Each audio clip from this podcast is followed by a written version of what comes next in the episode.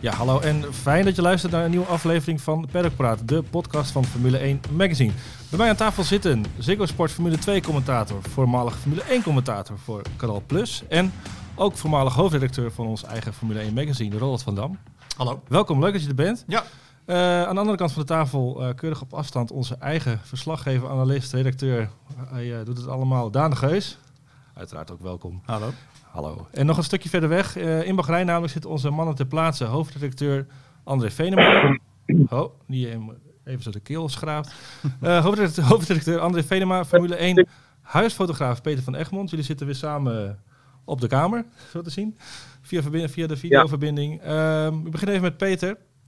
Je zoekt altijd een, een mooi plekje tijdens de race. Uh, waar stond jij gisteren? Uh, nou, ik begon uh, in bocht 1. Dat had ik, ja, ik maak altijd een, een raceplan. En zaterdag stond ik bij bocht 4. en toen dacht ik, nou, dit is eigenlijk ook wel een mooie plek. Maar ja, daar had ik op zaterdag al gestaan. En ik denk, nou, ik ga toch voor bocht 1. En ik had voor mezelf wel ja, het idee van, nou, als Max bocht 4 heel uit voorbij komt, dan maak ik niet kans. Dat was op zaterdag. ik ken het circuit een beetje, dus ik weet ongeveer waar het mis kan gaan. En, en na bocht 4, ja, dan moet, heeft iedereen wel zijn positie. Mm -hmm. Ja, en helaas uh, nou ja, stond ik uh, niet in bocht 4. En, uh, en ja, kwam mijn gedachte wel een beetje uit. ja, dat hij dus in ieder geval bocht 4 niet overleefde. En ja, einde verhaal wat Max betreft. Ja. Buiten zijn schuld, maar erg zuur. En ja, ik ben eigenlijk nog steeds gefrustreerd erom. Want en, en wat heb je wel gezien gisteren? De overwinning van Perez, het uh, door het ijs zakken van uh, Mercedes, uh, ja, van het hele team eigenlijk. En misschien wel een beetje in het bijzonder Bottas. Dus op zich allemaal bijzonder genoeg. Maar ja, voor mij, ik had gisteren echt op de overwinning van Max gerekend. En dat was natuurlijk achteraf ook mogelijk geweest. Daar gaan we het zo ook over hebben. Jullie, de een gaat wel en de ander gaat niet naar Abu Dhabi volgende week. Hoe zit dat precies? André? Ja, ik, ik vlieg, uh, het is nu maandagmiddag hier. Ik vlieg vanavond terug uh, via Dubai naar huis. En uh, Peter die gaat nog wel naar de laatste race in Abu Dhabi. Mm -hmm. ik ga er niet heen, want het is een, het is een hele dure Grand Prix door allerlei restricties en maatregelen. En Peter die, die, ja, die gaat wel gewoon heen. ja, ik moet over een uur en een kwartier inchecken. Dan heb ik de laatste vlucht naar Abu Dhabi. Zoals André al zegt, een, een charter. Dus het hele Formule 1 veld gaat die zijn vanmorgen vroeg begonnen met vliegen en ik zit in het, uh, in het laatste vliegtuig naar Abu Dhabi. In Abu Dhabi aangekomen worden we nou ja, weer getest. Dan met een uh, touringcar naar het hotel toe. Vervolgens worden we begeleid naar onze kamer. Daar moeten we tot uh, morgenochtend blijven zitten. Totdat we negatief getest zijn. Of tenminste totdat we het resultaat krijgen. Ja. Nou ja, dan mag ik vervolgens ik dacht dat, we, dat ik me nog vrij op het eiland mocht bewegen, maar dat mag ook niet. Ik mag eigenlijk alleen maar een rondje rond het hotel lopen en naar het circuit. Uh, dus uh, nou ja, dat ga ik dan maar uh, dinsdag en woensdag doen. En donderdag kan ik gelukkig weer aan het werk. En maandag gaat de vlag uit, want dan zit ik om half acht, als het allemaal goed gaat, s morgens in het vliegtuig naar huis toe. Je snakt wel, naar, dus, je snakt wel een beetje naar het einde van het seizoen, merk ik. ik snap enorm naar het einde. En ja. nou ja, Abu Dhabi vind ik eerlijk gezegd niet zo spannend circuit. Maar ik begreep dat ze daar ook niet echt heel erg veel. dat ze zelf er ook een beetje klaar mee zijn. Hebben ze zelf nog wel zin om dat uh, evenementen te organiseren? Wat is er? Uh, er zijn wat geruchten. Nou, ik bedoel, ik weet niet precies wat er aan de hand is, maar ik hoorde er ook wel financiële betaling. Ja. De FOM en, en het circuit. Want zij betalen een enorme som voor, om, om de laatste op de kalender te zijn. En nou goed, nu is alles beslist. er mag niemand komen. Er wordt natuurlijk weinig geld verdiend dit weekend. Dus ja, Eigenlijk hadden ze er zelf ook niet zoveel zin meer in. Nou ja, nogmaals, ik weet natuurlijk niet van de hoed en de rand. Alleen ik weet uh, dat het niet allemaal uh, puis en, en is. En uh, dat, dat het ja, daardoor misschien nog lastiger gemaakt wordt om, om daar te zijn dan, dan normaal. Want ik moet zeggen, Abu Dhabi is ten opzichte van Bahrein sowieso altijd al lastiger. Ik, Gelukkig ligt er een fantastisch circuit en vinden de coureurs het ook altijd leuk om daar te rijden. nou, dat valt wel mee hoor. Nee, nee, volgens mij is het. Uh, nee. Ik denk dat, je, dat de coureurs liever in. Uh, ja, dat, dat dit meer een rijdencircuit is dan Abu Dhabi. Formule 1. André, even over dit weekend. Wat blijft jou het meest bij? Uh, Nou, eigenlijk toch wel uh, de, de, de, de, de manteling, als ik het zo mag zeggen, van, uh, van Valtteri Bottas. Dit was natuurlijk voor hem, er, er stond veel op het spel. Hè? Nieuwe, nieuwe teamgenoot, een, een jongen die voor het eerst in, de, in de Mercedes stapt. Tenminste, echt een competitieve wedstrijd Mercedes. Want hij is natuurlijk ook testrijder geweest daar. En is eigenlijk is eigenlijk in de race weggereden. Het moment dat George Russell hem inhaalde, dat vond ik zo, uh, dat vond ik zo typerend. En het deed me een beetje denken aan. Uh, de vergelijking gaat misschien een beetje mank, maar ik kan me nog herinneren dat Fernando Alonso, Michael Schumacher, dat was, dat was destijds de grote man, uh, in de 130 R in, op Suzuka voorbij vloog. Alsof die er niet stond. En met heel veel, heel veel lef. En uh, daar herinnerde uh, de, de inhaalmanoeuvre van George Russell mij eigenlijk ook aan in... Uh... Ter verdediging van Bottas. Volgens mij wil dat... Nou, ik wil Bottas helemaal niet verdedigen. Oh, ik heb vorig jaar al geroepen van, dat ik het niet begrijp dat, dat iemand als George Russell, die jezelf opleidt en die heeft bewezen dat hij in de Formule 3 kampioen kan worden, dat hij in de Formule 2 kampioen kan worden, dat het buiten gewoon getalenteerde coureur niet gewoon in die Mercedes wordt gezet. Ik bedoel, niks te nadelen van Valtteri Bottas, ook een prima coureur, maar je, je zoekt toch steeds weer naar jongens die ja, die iets extra's brengen. Nou, dat mhm. heeft Russell. Het is bovendien, hij heeft het uiterlijk van een, van een boekhouder, maar heel veel humor. Het is echt een leuke gast. Kan echt uh, gas geven. Zet die man gewoon, hadden ze eigenlijk dit jaar al moeten doen. Gewoon in die auto neer. Klaar. En uh, jammer voor Bottas. Misschien dat er dan wel ergens achter in het veld een, in de Williams, een, waar die ook begonnen is, een zitje is. Maar dat hadden ze al veel eerder moeten doen. En, moeten we dus nog een jaar met, uh, met Valtteri Bottas in die Mercedes. Uh, terwijl Russell denk ik echt in staat moet zijn om Hamilton gewoon het vuur aan de schenen te leggen. Maar dat is het conservatieve van, uh, van Mercedes. En Ferrari heeft dat natuurlijk ook jarenlang gehad. Daar, daar moeten ze inderdaad eens een keer mee, mee gaan stoppen. Want George Russell verdient, verdient absoluut een kans. Maar ja, ze doen het, ze doen het niet. En ik, ik vraag me ook af, kijk, Toto Wolff, dat heb ik ook geschreven in het verhaal voor het blad gisteren. En die heeft natuurlijk zoveel belangen in de Formule 1. Uh, hij heeft een sportmanagementbureau. Uh, hij heeft de zaken. Hij heeft, George Russell heeft hij min of meer onze hoede. hij, die, heeft, die bepaalt uh, wie, wie, wie waar rijdt in Mercedes Talenten programma. Valtteri Bottas is hij manager van geweest. En ik vraag me wel eens af of dat niet botst. Mag ik daar nog iets aan toevoegen? Uh, André heeft helemaal gelijk. Maar iemand zou tegen hem moeten zeggen: Toto, er is één grote belang. En dat is de Formule 1. Dat zijn de fans thuis, dat zijn de kijkers, dat is de sport. En die is er niet bij gediend dat daar dus een soort eerste luitenant rondrijdt in die Mercedes. Nee, er moet gewoon een competitieve coureur in zitten die het Hamilton lastig, uh, lastig kan maken. Dus zou er iemand tegen Toto Wolff moeten zeggen: prima met al je belangetjes, uh, vriend. Maar het gaat, om, het gaat om de fans, om de races, om de kijker. Dat is ons belang, niet jouw belang. Ja, ja, dus ik ben ook heel benieuwd hoe, uh, hoe Ola Kalenius, de nieuwe topman van Daimler, uh, uh, nu gaat reageren. Want iedereen heeft gezien gisteren, ik bedoel, één zwaluw maakt misschien nog geen zomer. Maar we hebben wel de racecraft van, van George Russell gezien. Ik heb gisteren een, een, Britse collega gesproken die zegt van... Die jongen is zo ongelooflijk serieus. Die schrijft zelfs e-mails naar de, de ingenieurs van Williams... Om te, om, te, om te vertellen wat ze kunnen doen om de auto te verbeteren. Hij is heel uh, leergierig en heel erg uh, betrokken. En ik denk dat dat voor Mercedes echt een, uh, een, gouden, een gouden zet zou zijn. Ja, een stuk bij Williams binnengekomen ooit door een PowerPoint-presentatie te geven onder meer. Hè. Dat zegt wel alles over uh, het type dat Russell is inderdaad. Hij won het virtuele race in de Formule 1 uh, afgelopen periode toen hij niet geweest werd. En met, met, eigenlijk relatief weinig ervaring. Maar hij pikte het zo snel op en race eigenlijk daarna gewoon allemaal naar huis toe. Ik heb ook een beetje het idee dat die, dat die periode hem ook heeft geholpen om los te komen. Want ik vond vorig jaar een beetje een, een, typische Brit, zo'n stiff upper lip. Die humor die kwam er nog niet echt uit. En eigenlijk tijdens die coronaperiode met dat e-racing kwam hij echt, uh, ja. bloedde hij op. Ze konden echt gewoon twintigers zijn daar. Hij en Leclerc en Albon. En toen bleek je best grappig te zijn. Toen bleek hij, misschien kwam je er zelf ook achter, hey, het slaat eigenlijk best wel aan bij iedereen. Mensen vinden mij grappig en leuk. Ja, en het belangrijkste natuurlijk, afgelopen weekend heeft hij laten zien dat hij ook gewoon kan racen. Met die Williams, met alle respect, laat hij zien snel te zijn. Maar ja, het is niet echt een auto waarmee je heel veel kan vechten. Hij heeft natuurlijk ook wel wat gekke dingen gedaan in eerste rondes af en toe. In, in, onder de safety car een keer gecrashed. Hè. Dat neemt niet af uh, aan zijn talent, vind ik. Mm -hmm. Maar dit was eigenlijk de eerste keer dat je, echt zag, dat je echt zag van hij kan echt gewoon inhalen. En hij kan echt, natuurlijk met de snelste auto, maar ja... Dat, hè. En betere banden, wil ik er nog wel En betere banden dan Bottas. En Bottas had ook wel een, een ongekend off-weekend, denk ik. Uh, maar ja, ik denk dat het belangrijkste voor Russell is laten zien... Hè, dat als ze verder willen kijken dan Bottas... dan hoeven ze niet meer verder te kijken dan George nee. Russell. Ze hoeven niet meer te zeggen van... Hè, uh, nou, uh, willen we Max Verstappen losweken of willen we Lando Norris uh, aantrekken? Dat zullen ze misschien nog steeds overwegen. Hè. Dat is een gevalletje due diligence. Ik denk dat je dat als Mercedes zijn er altijd moet doen. Maar ik denk dat Russell wel heeft gezorgd dat hij met stip op één staat op het lijstje nu.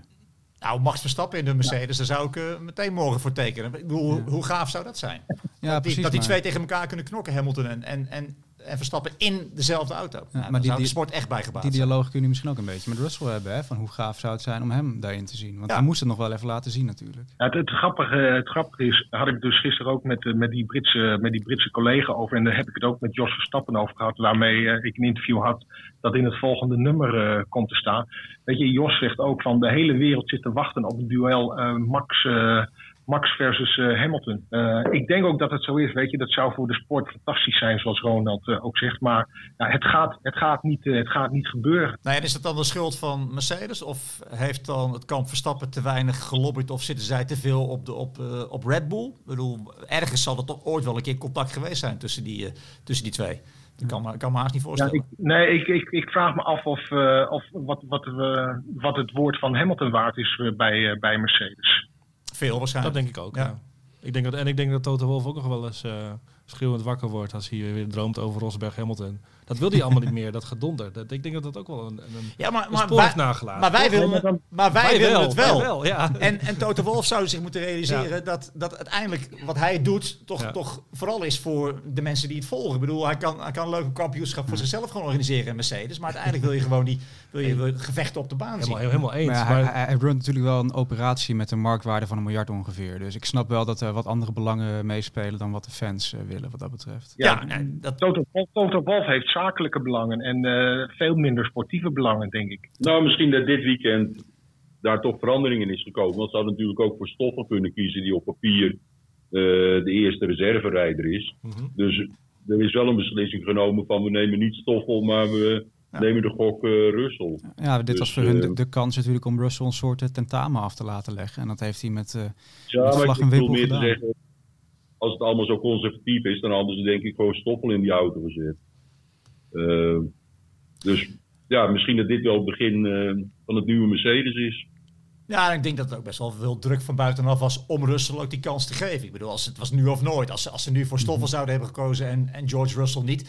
Ja, dan kun je dus ook wel echt wel vraagtekens zetten bij, bij waarom leid je dan een jonge coureur op? En waarom heb je die dan in je eigen, eigen gelederen? En dat, dat was met- met Van Doren ook Ja. zo. Maar nee, alles wees erop dat dit moest gewoon gebeuren. De, de, het zou heel gek geweest zijn als ze het niet hadden gedaan. nou, kijk, Van Van Doorn weet natuurlijk ook wat hij kan in een auto waarmee Ja. je wel punten kan pakken. En voor Russell was het nog een beetje een vraagteken misschien. Perlpraat. Ja, we leken dus een verrassende winnaar te krijgen met, eh, met George Russell. Maar het was dan uiteindelijk Sergio Perez, die minstens wel net zo verrassend eigenlijk met de zegen aan de haal ging. eh, haal ging. Nou, een hele knappe zegen, zou ik bijna willen zeggen. Als je ziet waar hij uiteindelijk vandaan moest komen. Ja. Maar ook, ook daar is, ik bedoel, hij zit in een auto met een Mercedes-krachtbron. Ja, dat helpt wel mee. Ik bedoel, ik had het wel willen zien als, eh, als Max in die auto had, eh, had gezeten. Want dat is wel, en dan, en dan komen we beter, misschien in een wat bredere discussie, natuurlijk Ja. wel, wel wat de Formule 1 op dit moment, moment ontbeert. Weet je, het verschil wordt, de laatste drie tienden wordt gemaakt door de coureurs. Die, die, en dat zijn allemaal jongens die echt kunnen racen.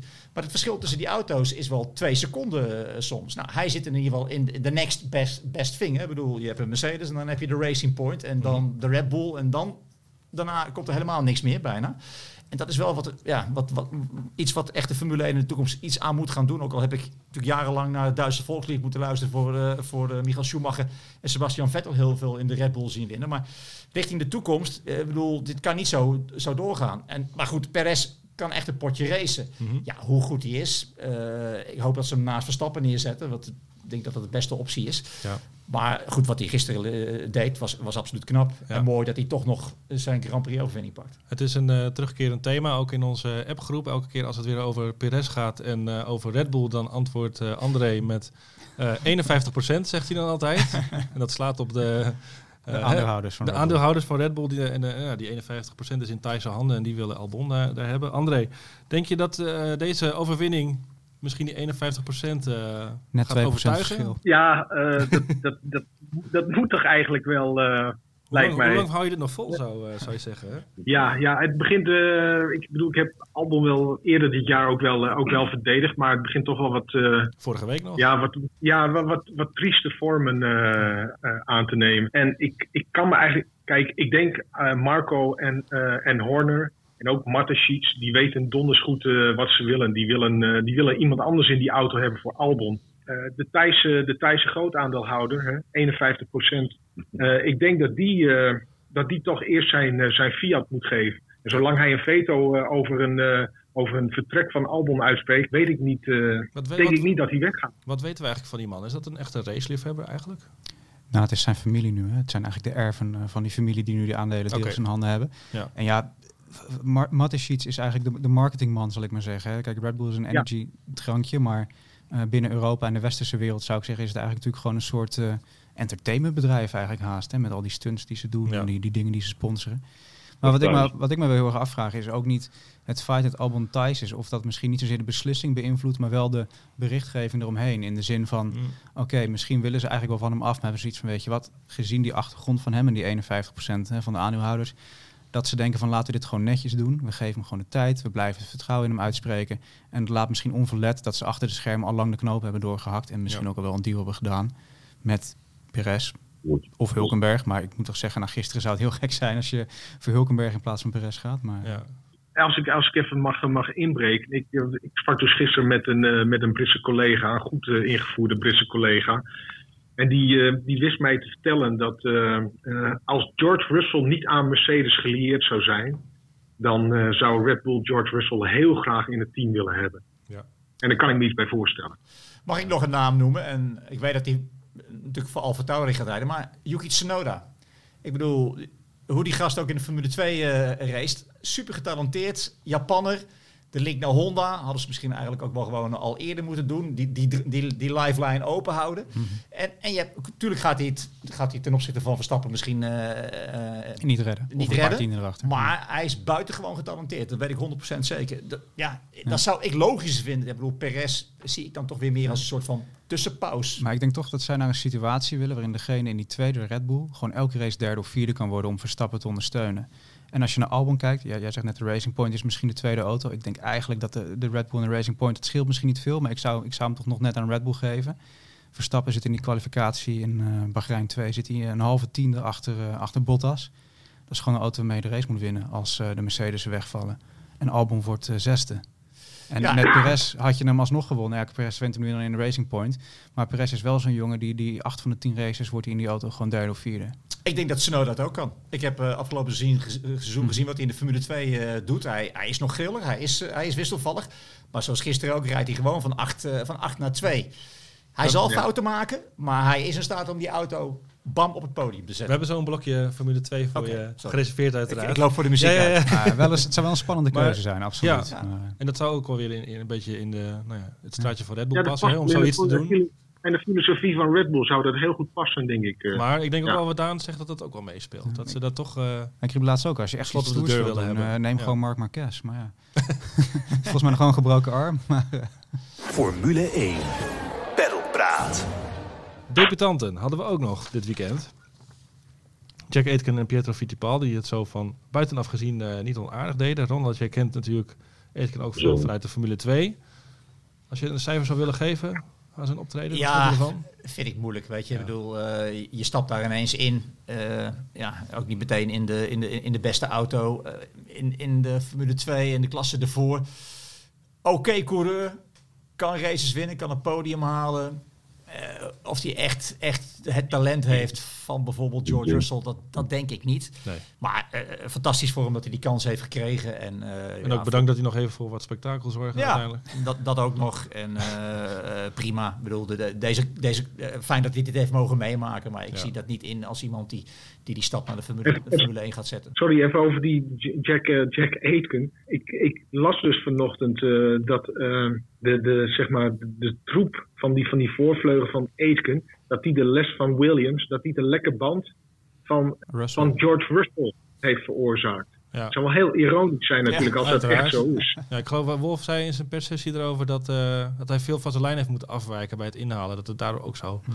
Maar ja, dat zullen we natuurlijk nooit weten. En ik denk dat wat, jou, wat, je net over Aitken zei, geldt ook wel een beetje over voor uh, Fittipaldi. Hè? Nou ja, die, ja, goed, die zit natuurlijk al twee jaar bij Haas, maar die ken ik dan vooral uit de DTM. En ook, ook, ja, ook prima coureur, maar ook niet buitengewoon of zo. Dus uh, voor de jongens is het denk ik alleen maar heel fijn dat ze toch eens een keer de kans krijgen om een, uh, om een Grand Prix te rijden. Maar, het zijn prima vakmannen, maar... Ja, maar niet, maar niet, maar niet boven buitencategorie, absoluut niet. Ronald, wat denk je, wat denk je dan van, van, van, van Mick, Mick Schumacher?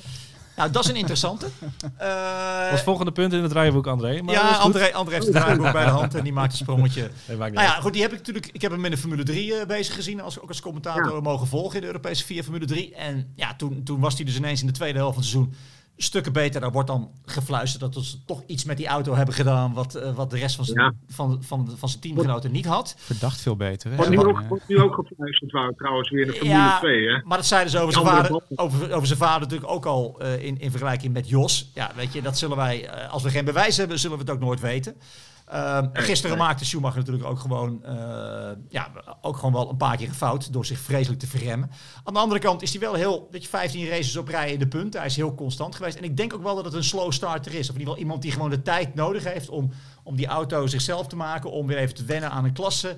Uh, om ook het zelfvertrouwen te krijgen. Dus ja, uh, ik denk niet dat hij van het kaliber van zijn vader is. Dat zou me werkelijk zou die me echt verbazen. Maar ik denk wel, en, en, dan, en dan is het wel mooi dat je natuurlijk iemand met, een, met de naam Schumacher straks weer in de Formule 1 heeft. En dat hij die, die achternaam niet als een lode last meer draagt, maar gewoon echt, echt omarmd heeft.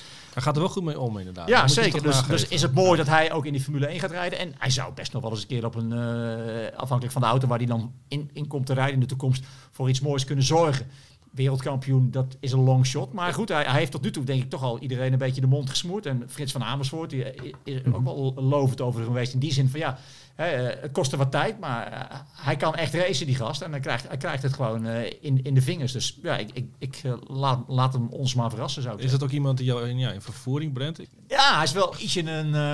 ook wel, daar lijkt ook wel een beetje op zijn vader. Hè. Ook wel een beetje, weet je, wat saaiig. Die zou ook niet... Aan de andere kant, nou ja, ik vind het ook wel, uh, hij toont ook wel emotie. Hij, hij, hij begint zich ook wat meer over zijn vader uit te spreken. Um, ja, ik, ik, ik, zou een aanwinst uh, kunnen zijn. Ja, als je het even afzet tegen Tsunoda, je noemde hem net al, dat vind ik toch echt een, een spectaculaire ja, coureur. Kijk ik ook liever na. Ja. Ik bedoel, uh, en ik sla ik ook hoger aan als, uh, als coureur. Ook, okay. gewoon, ook als je ziet hoe snel die, mm -hmm. hoe snel die leert en hoe snel die in die Formule 2 ook band toch weer in de, in, in de positie was om races te winnen. Dat heeft hij dan sneller gedaan. Schumacher die daar twee jaar voor nodig had. Beetje type Takuma Sato misschien met Tsunoda, vol in de aanval rijdend. Ja, ja, zeker. Ja. En ook wel een jongen die leert, omdat hij natuurlijk al lang in het in, nou, dat kunnen die andere in een Bahrein misschien ook wel iets over zeggen. Dat je als je natuurlijk al, toch al lang in dat Engelse kamp uh, rond, rondloopt, in, dit, in zijn geval ook bij, bij Carlin, ja, dan, dan krijg je daar toch ook een hoop van mee. Over Tsunoda. Wanneer wordt hij aangekondigd bij Alfa Tauri, denk je? Ja, ik, ik, dat, zou, dat, dat zal ook wel heel snel gebeuren, denk ik. Ik bedoel, het seizoen zit er nu Na op. Abu Dhabi? Ja, misschien dat ze daar nog inderdaad even op, uh, op wachten. Dus uh, ik, ik heb uh, gisteren in mijn uitzending nog wel even gewoon geroepen. En dan krijg ik wel weer dan gelijk wat Twitter-commentaar op van... ja, waarom niet, waarom niet gewoon bij Red Bull zelf? Hè? Bedoel, het, het, zou nog steeds kunnen in theorie. Maar dan, ik denk niet dat dokter Helmut Marco naar de Formule 2 uitzendingen van, van Ziggo Sport lijkt. Maar dat is wel leuk dat je daar dan toch een discussie over krijgt. En goed, Alfa Tauri lijkt de meest logische keuze om daar het dan ook gewoon te, te gaan leren. Maar ik ben altijd zo bang voor voor die jongens dan dat je dan ook meteen weer dreigt, als het, als het niet gaat, in de vergetelheid uh, te raken. Ja. Dat je ook weer zo, ja, ja, nou ja, neem stof van Doorn, weet je wel, dat dan je Formule 1 coureur carrière ook weer zo over kan zijn. Je moet het momentum behouden eigenlijk. Ja, en dan zit je natuurlijk bij Red Bull toch beter. En hij is een Red Bull jongen, ze hebben hem omarmd, ze hebben hem onder zijn arm. En, en als je dan kijkt in die school met talenten die ze hebben, is dat wel voor mij de man van ik denk van ja, als iemand dat zou kunnen doen, is hij het wel. Ook nog eens met het grote achterland Japan, racegek. Ja, waarom zou je het niet doen? Ja, en dan de, het verleden heeft ook wel weer uitgewezen dat mensen die daar hun eerste jaar beleven, als ze het goed doen, dan worden ze ook wel meteen beloond natuurlijk. Ja, ja, oké, dat zou. Ja, ja, dus op zich is dat zo'n voorstap toch niet eens. Dan komen ze in het grote team en dan komt. Uh... ja, zou de, stel dat hij. Uh, dat, nee, maar goed, stel dat, dat Perez het dan gaat doen, of, mm. of dat ze doorgaan met Albon, ze natuurlijk altijd nog die switch ja. voor, uh, volgend jaar maken. Oh, dat is waar. Ja. Nog een Formule 2 coureur natuurlijk die promoveert, Nikita Mazepin. Die ja. maakte ook wel weer een soort van indruk, zullen we maar zeggen, afgelopen weekend. Ja, die, die houdt er wel heel erg uh, frivol verdedigen op na. Dat hebben we al een paar keer gezien, gezien, uh, gezien dit seizoen. Dat hij daar echt wel heel erg ver mee gaat. Je mag natuurlijk één keer van je lijn afwijken. Maar als je dan nog een keer een beweging maakt naar rechts om nog een keer te blokken, ja, dan, dan zit je natuurlijk ook gewoon aan de verkeerde kant van de streep. En ja, hij, doet dat wel, hij doet dat wel echt vaak. Ja, hoe goed hij is. Hij heeft me wel verba ver verbaasd dit seizoen. Want als je toch kijkt naar Luca Chiotto, die ook best kan racen. Hij was tweede achter Ocon in destijds in de, in de Formule 3, in, in de GP3. Ja, dan heeft hij het goed gedaan. Heeft hij beter gedaan dan Luca Chiotto. Uh, maar is ook wel grillig en wisselvallig. En Ja, goed, hij, hij, hij heeft natuurlijk een rijke papa. Money talks, ja. En, eh, en, en hij gaat het daarom doen in de Formule 1. En ik ben wel benieuwd. Die strijd tussen, tussen Schumacher en Mazepin in dat team wordt natuurlijk wel heel erg leuk. Wie van de twee de beste rookie eh, eh, gaat zijn. Ik denk dat Schumacher het uiteindelijk eh, boven komt drijven. Hoe lang geven we Mazepin in de Formule 1? Nou, ik denk, ik, zolang, Zolang de- zolang zijn zijn papa Ja. met het geld zwaait, eh, geef ik hem een heel seizoen. Het is best wel een kans dat Mazepin dat team overneemt natuurlijk op termijn. ja zeker. Tweejarig contract hè, nu voor 17 miljoen dollar. Ja, daarom. Dus dat, eh, wat jullie ook zeiden, money talks. Ja. En denk, hoe denk je dat eh, het coureurschilde hem eh, gaat ontvangen als hij dit soort frat zijn? Nou, dat, dat zal hem in Zal de rijdersbriefing wel even, denk ik, de oren worden gewassen door de, de gelouterde louterde mannen. Maar ja, je, ziet gisteren ook Leclerc, dat je echt denkt van, ja, eh, dat is toch echt geen koekenbakker meer inmiddels. Van, ja, hoe dan? Ik bedoel, uiteindelijk maken ze die fout natuurlijk allemaal nog wel een keer op een x-moment. Ja. Maar Mazepin moet wel, ja, die zal toch wel gewoon heel snel wel moeten snappen dat, dat, je hier, dat hij hier niet mee moet doorgaan. Nee. Hoe vaak wil je op de, op de vingers getikt worden, denk ik dan. Deze, die manoeuvre van Mazepin, hè, Ja, in hoeverre, weet, in hoeverre was hij nou heel anders dan die van, eh, manoeuvre van Michael Schumacher in Hongarije? Toen die, eh, toen die Rubens Barrichello bijna op het rechte stuk de muur in reed. ja niet, niet veel, Zoveel. Nee, niet was veel anders, dat klopt. Maar misschien dat ze er ook wel eens anno 2020 steeds, steeds strenger mee omgaan. En ik denk dat het ook op zich wel goed is. En het zeggen, anders kan hij er ook nog 20 jaar mee doorgaan. Want dat is Schumacher in de 40 volgens mij toen hij dat deed. Ja, maar die had natuurlijk al inmiddels wel een wat andere reputatie dan, Ja. eh, dan Nikita Mazepin. Ik moet zeggen, het is, het, is, het is niet netjes natuurlijk, maar ergens toont het wel de mentaliteit van zo'n jongen. Hè? Die over mijn lijk eh, attitude, zal ik maar zeggen. Ja, en dat is, en dat Dat is niet een zo dunne heel... lijn natuurlijk tussen. Ja, Ja, die maar, als, je, als je daarmee kampioen wordt, ja dan, dan is, eh, dan is het toch heel anders dan dat je vijfde wordt in het kampioenschap. Toch? Ja, zeker. Oké. Pedalpraat. Esteban Ocon. Tweede Ja. plek gisteren. Eindelijk, hè? Kon hij wel even goed gebruiken, denk ik. Ja, eh, eh, ook zo'n jongen die anders misschien wel het, het risico loopt dat, je, dat hij er tussen blijft, blijft hangen. Ik bedoel, natuurlijk, natuurlijk GP3, eh mooie manier kampioen geworden. Is ook denk ik echt wel een getalenteerde rijder. Ja, dan is het wel fijn dat je uiteindelijk weer gewoon eens eh, op dat, eh, op dat podium staat. Waar hij normaal gesproken natuurlijk als Mercedes gewoon zijn werk doet, eh, niet eh, terecht was Nee. gekomen. Maar goed, dat is autosport. Dat bedoel, je moet, ja, je moet natuurlijk wel gewoon op het moment dat je de kansen zich aandienen, moet je ze ook gewoon, eh, gewoon grijpen. Natuurlijk een beetje een lucky met de strategie, maar Ocon heeft dit jaar ook wel heel veel pech gehad. Dus het is ook een soort goedmakertje in die zin van eh, karma, of hoe je het ook wil noemen. Ja. Maar, eh, mooi voor hem. Mooi dat hij daar weer stond, absoluut. Ja. Mooie opsteker voordat hij volgend jaar Alonso Ik naast zou zich zeggen, vrezen we voor... eh, hoe zie jij zijn, eh, zijn jaar, zijn 2021 naast Alonso? Ja, ik, vind het, ja, ik ben wel heel benieuwd hoe, eh, hoe, eh, hoe, hoe eager, hoe hongerig Alonso nog is. Hoe goed hij nog is. Eh, Iker is hij sowieso wel, denk ik. Dat sowieso wel, ja. En, dat en hoe, is het, hoe Ja. zich dat dan gaat verhouden tot Ocon binnen dat team, nou, dat wordt wel een hele, wordt wel een hele interessante, denk ik. Dus ja, het- weet je, normaal ben ik niet zo van, van coureurs die nog weer terugkeren, die, die te lang doorgaan. Ik vind ook dat, dat, dat de jongeren de kans op een gegeven moment moeten krijgen. Maar Alonso is natuurlijk toch wel, ja, is natuurlijk wel buiten categorie. En, en het bijna gewoon unfinished business. Ik bedoel, die man Ja. had natuurlijk gewoon, als hij op, op het juiste moment bij de juiste team in de juiste auto had gezeten, had hij waarschijnlijk ook al gewoon acht keer wereldkampioen Ja. eh, geweest. En ik hoop echt dat, nou, dat het in ieder geval een auto is waarmee ze allebei gewoon kunnen, eh, kunnen vechten, kunnen strijden, kunnen meedoen. Eh, en dat, want je gunt Alonso niet weer zo'n jaar als bij, eh, bij McLaren. Nee. Dus eh, ja, ja, en dan of, of, of Ocon zich dan goed houdt eh, ten opzichte van Alonso, dat wordt wel heel erg leuk. kan hij er alleen maar van leren, toch? Ja, zeker. Hij zal geïnspireerd. Ik bedoel, fijn om zo'n teamgenoot erbij te hebben. Je, bedoel, je, je moet zelf ook weer en je, en je kunt ook van hem leren natuurlijk. En Lance Stroll, derde.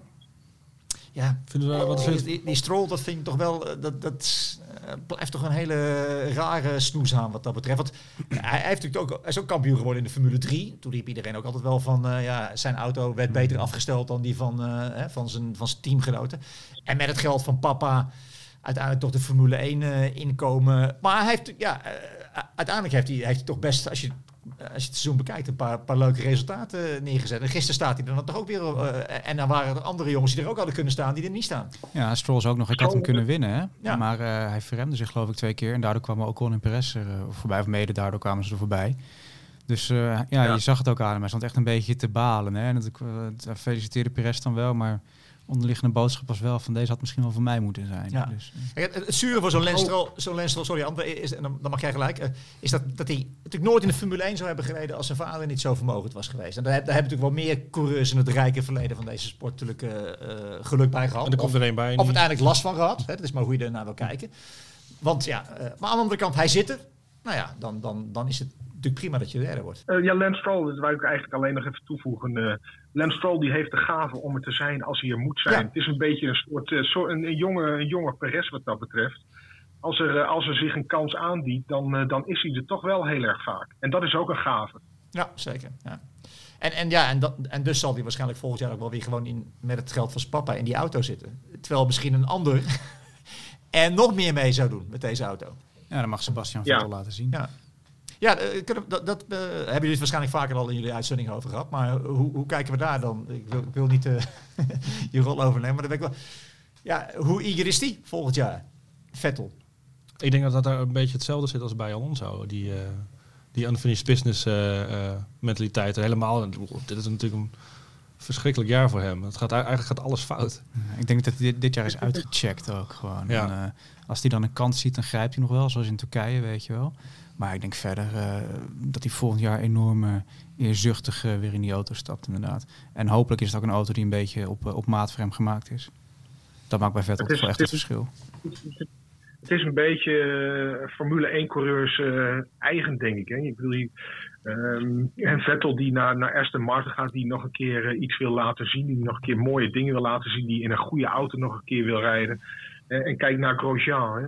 Ontsnapt aan de dood. En, en hij, wil toch er, hij wil toch weer die auto instappen. Hij wil weer rijden. Hij wil op een fatsoenlijke manier afscheid, nemen van de Formule 1. Dat, dat, dat, dat zit, zo, dit zit zo diep bij de, bij die jongens. Uh, weet je, dat competitieve, uh, het willen laten zien uh, van, van, van wat je kunt. En ik denk dat het bij Vettel, Vettel net zo is. En ook bij, bij Alonso.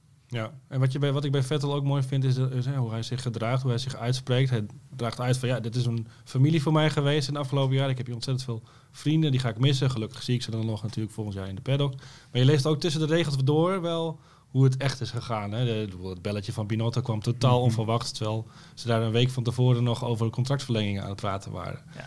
Uh, dus er zit wel. Uh, met Binotto komt het niet goed, denk ik, maar, tussen die twee. Nee, nee tuurlijk, uh, nee tuurlijk, uh, tuurlijk komt dat niet, niet goed. Hè? Dat, is allemaal, dat is allemaal. Vorig jaar heeft zich dat, het hele proces al in gang gezet toen. toen Leclerc Vettel eigenlijk, als ik het mag zeggen, verneukte bij die, bij die kwalificatie op, op Monza. Ja.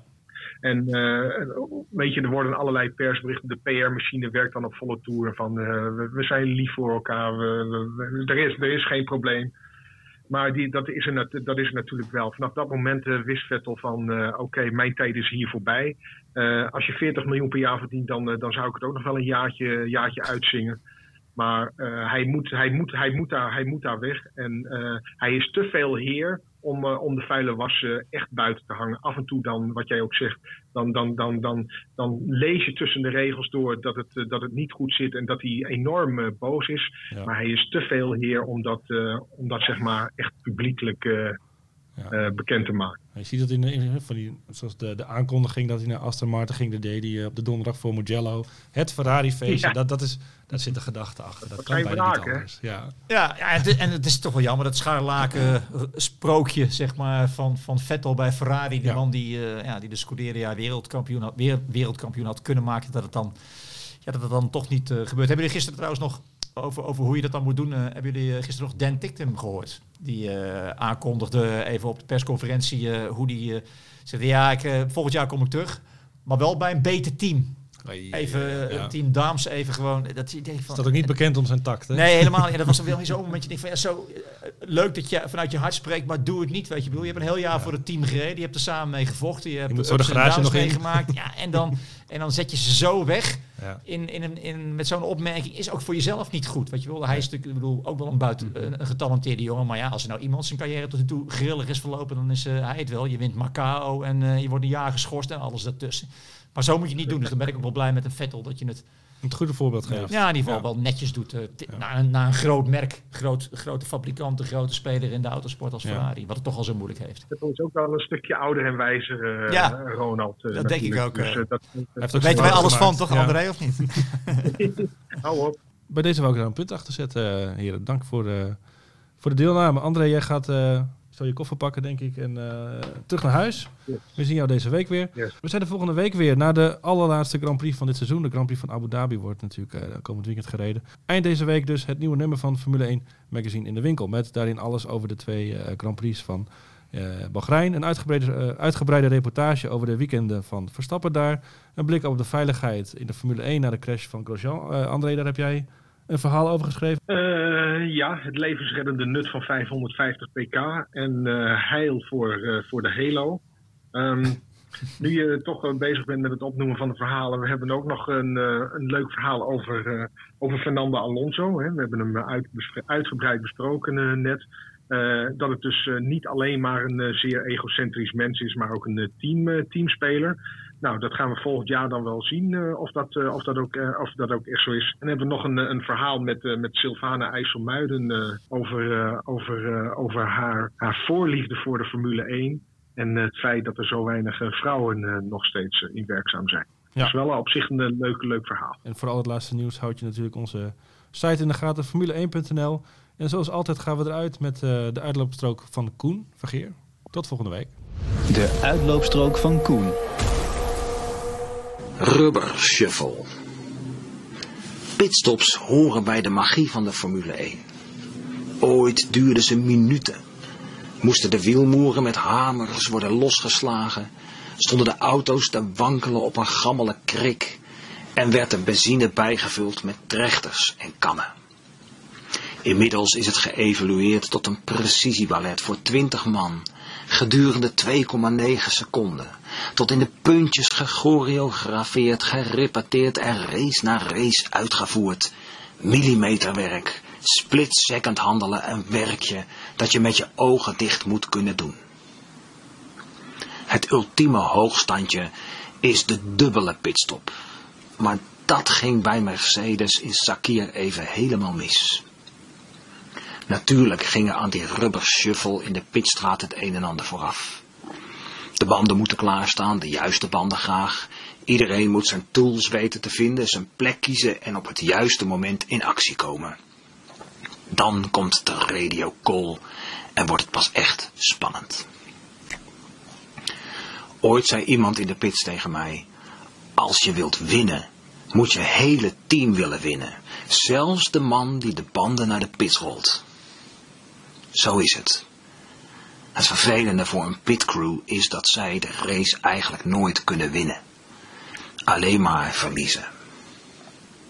Bij de radiocall ging het mis, weten we nu. Er werd door elkaar gepraat. De crew van George Russell kreeg de boodschap niet door, waardoor zijn banden of een deel daarvan niet tevoorschijn werden gehaald. Maar is er dan niemand, helemaal niemand, die merkt dat er iets niet klopt? Die denkt, waarom pakken we de banden van de leider in de race niet? Niemand die ziet, hé, hey, dit zijn verschillende sets. Niemand die beseft dat toch de auto van George Russell voorrijdt. Reken maar dat Mercedes dat gaat veranderen. Want daarna is er geen weg terug meer. Zodra de auto binnenrijdt, moet je niet meer te veel nadenken. Dan is het naar buiten rennen. Bam, wiel voor je neus, plop omhoog met die karatatata pneumatisch hameren, wiel weg, ander wiel terug, ratatata de andere kant op, hand in de lucht en wegwezen. En dat nog sneller dan ik het kan voorlezen. Dus ja, daar ging Russell met de banden van Bottas.